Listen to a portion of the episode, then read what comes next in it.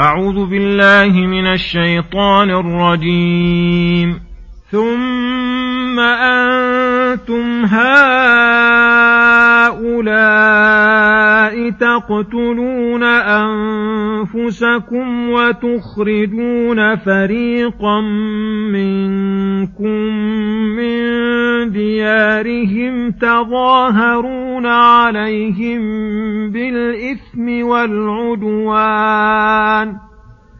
وإن يأتوكم أسارى تفادوهم وهو محرم عليكم إخراجهم أفتؤمنون ببعض الكتاب وتكفرون ببعض فما جزاء من يفعل ذلك منكم إلا خزي في الحياة الدنيا ويوم القيامة يردون إلى أشد العذاب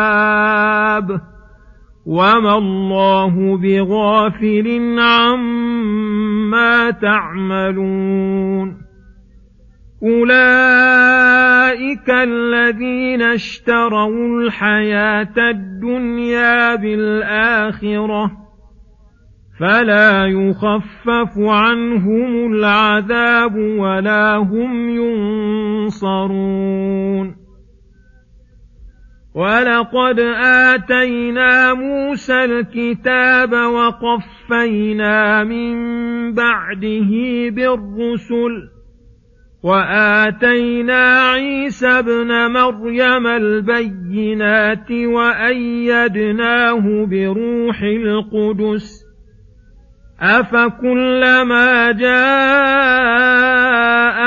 رسول بما لا تهوى أنفسكم استكبرتم ففريقا كذبتم وفريقا تقتلون وقالوا قلوبنا غلف بل لعنهم الله بكفرهم فقليلا ما يؤمنون ولما جاءهم كتاب من عند الله مصدق لما معهم وكانوا من قبل وكانوا من قبل يستفتحون على الذين كفروا.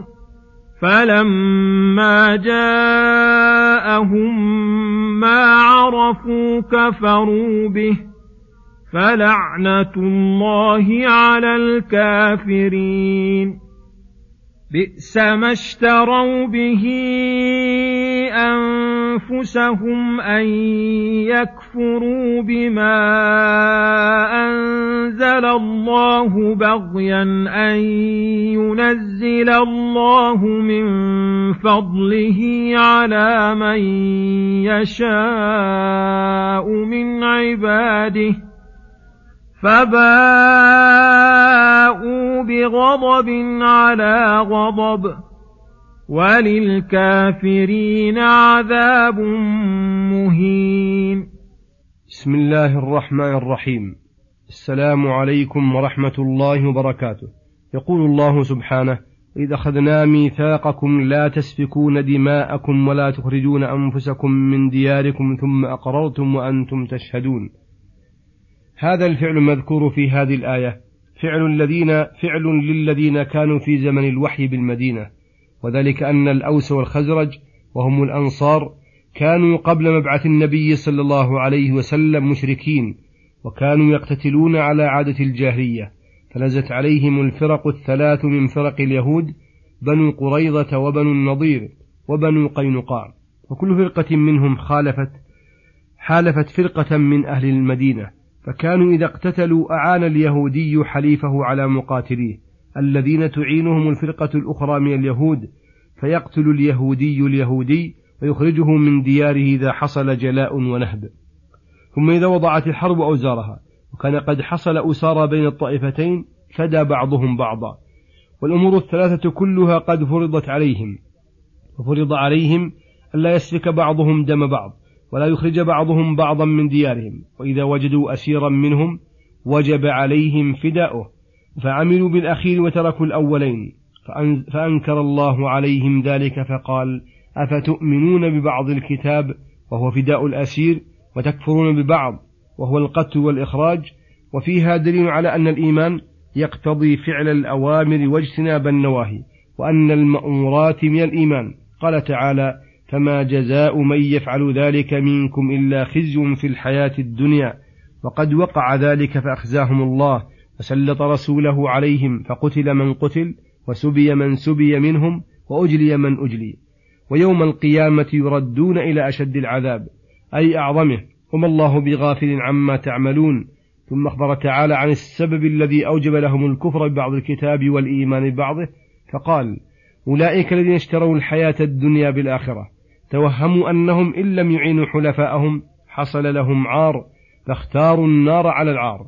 فلهذا قال فلا يخفف عنهم العذاب بل هو باق على شدته ولا يحصل لهم راحة بوقت من الأوقات ولا هم ينصرون أي يدفع عنهم مكروه.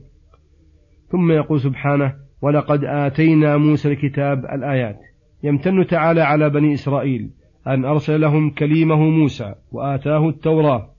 ثم تابع بعده بالرسل الذين يحكمون بالتوراة إلى أن ختم أنبياءهم بعيسى عليه السلام وآتاهم من الآيات البينات ما يؤمن على مثله البشر وأيدناه بروح القدس أي قواه الله بروح القدس. قال أكثر المفسرين إنه جبريل عليه السلام وقيل إنه الإيمان الذي يؤيد الله به عباده.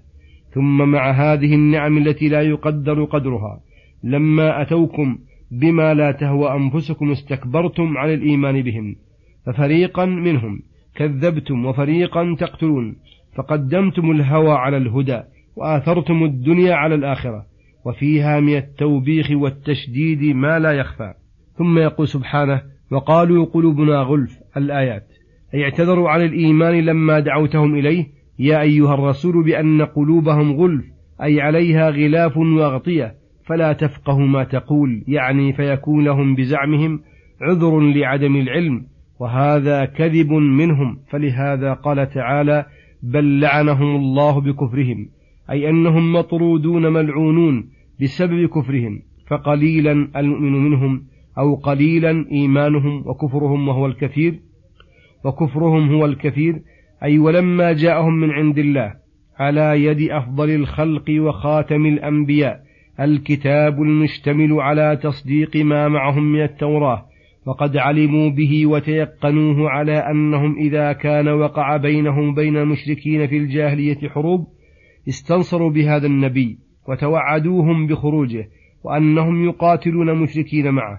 فلما جاءهم هذا الكتاب والنبي الذي عرفوا كفروا به بغيا وحسدا أن ينزل الله من فضله على من يشاء من عباده فلعنهم الله وغضب عليهم غضبا بعد غضب لكثرة كفرهم وتوالي شكهم وشركهم.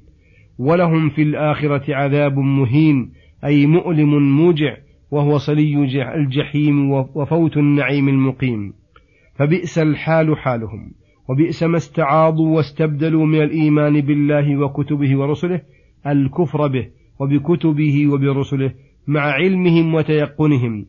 فيكون أعظم أعظم لعذابهم. وصلى الله وسلم على نبينا محمد وعلى آله وصحبه أجمعين. وإلى الحلقة القادمة غدا إن شاء الله. والسلام عليكم ورحمة الله وبركاته.